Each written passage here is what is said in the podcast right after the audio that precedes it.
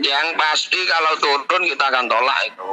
Hmm. Karena bu nggak mungkin kebutuhan terkait dengan kebutuhan hidup itu akan turun. Kalau yang pasti kalau turun kita tolak, uang tidak naik saja kita tolak, apalagi turun. Di faktanya itu banyak pekerja-pekerja yang tidak disertakan dalam bidang kerjaan dan gajinya masih di bawah upah 5 juta. Hmm. Makanya ini kami mohon pemerintah mendorong agar bantuan itu juga termasuk eh, pekerja-pekerja yang, yang tidak terdaftar di BPJS Ketenagakerjaan sehingga ada rasa keadilan di masyarakat.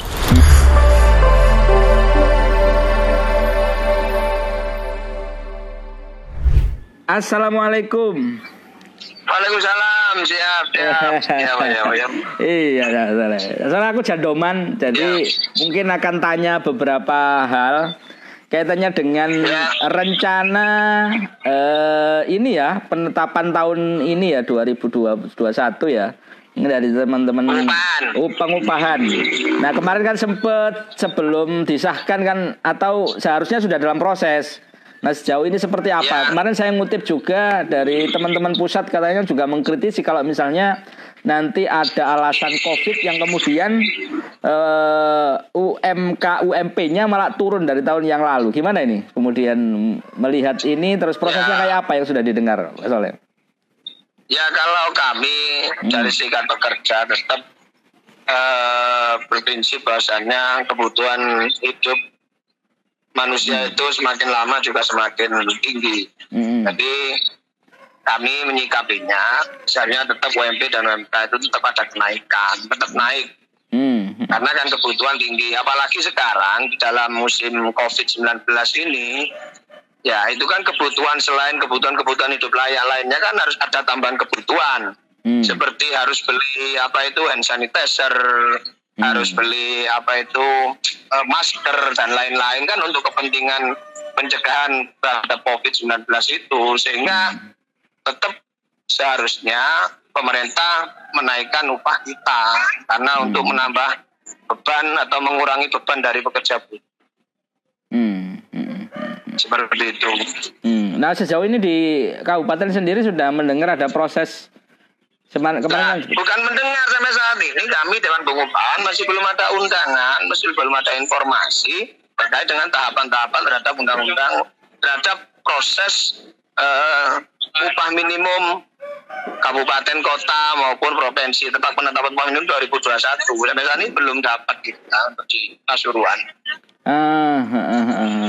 belum dapat ini artinya kalau misalnya dalam kondisi yang seperti ini itu seperti apa nanti? Masuk gak kurungu ya ini kok ditunda dan sebagainya apakah seperti itu? Ya kita mungkin kalau sampai pada beberapa hari ini tidak ada respon, tidak ada proses itu, kami akan berdiskusi kembali dengan kemanusiaan kerja apa yang harus kita lakukan.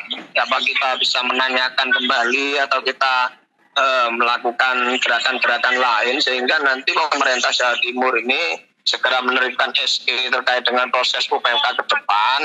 Kemudian di Kabupaten Pasuruan juga segera ada proses-proses. Karena di luar daerah Hmm. di luar daerah Jawa Timur ini nampaknya informasinya ada sudah mulai ada pembahasan-pembahasan terkait dengan eh, persiapan untuk penentuan UMK tahun 2021 sehingga kami juga eh, menanyakan itu kenapa di Jawa Timur khususnya di Pasuruan sampai saat ini kok belum ada tahapan ke sana Hmm. Mungkin hari ini atau sampai besok coba saya akan terus menanyakan ini kepada pihak pemerintah Kabupaten Pasuruan apakah surat edaran itu sudah ada dari gubernur atau belum karena eh, kami masih belum eh, pernah diundang oleh kabupaten. Waktu itu pernah kami tanyakan katanya masih belum ada surat edaran dari gubernur terkait proses penetapan upah tahun 2021. Hmm, hmm, hmm, hmm.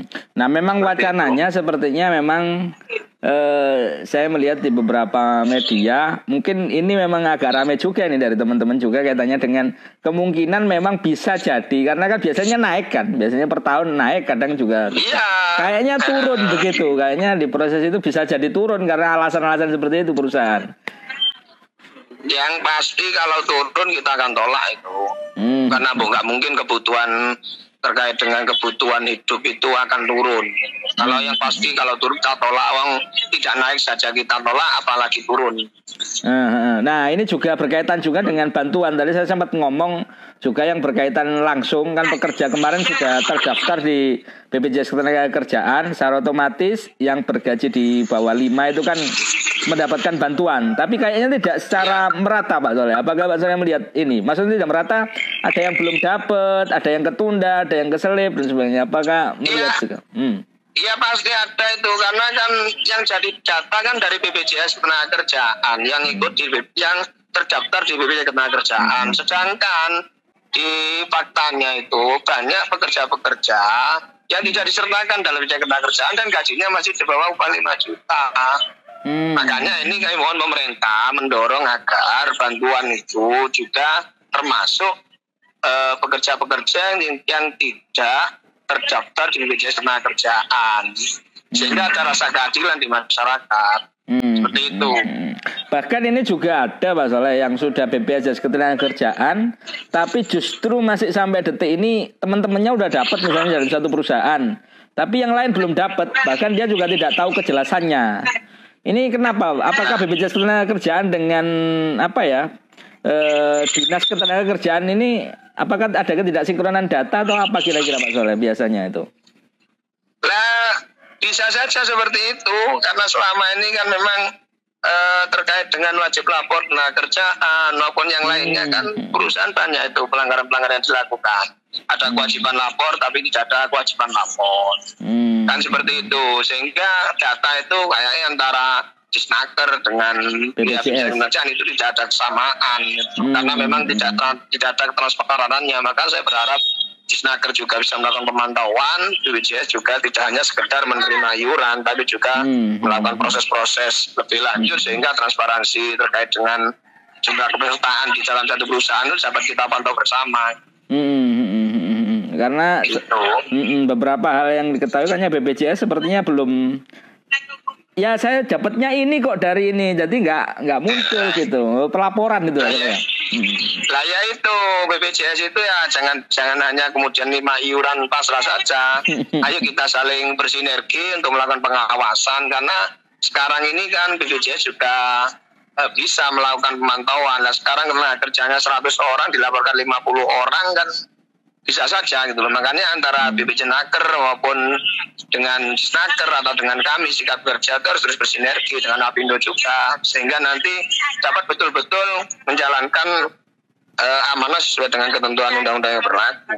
Hmm. Seperti itu ya ya. Siap siap. Eh mohon maaf Oke, itu siap. sementara karena saya ini jadi mau ada agenda sidang ini. Siap. Dilanjut ya. Pak Solen terima kasih. Oke, ya, ya, ya, selamat pagi. Waktunya yuk.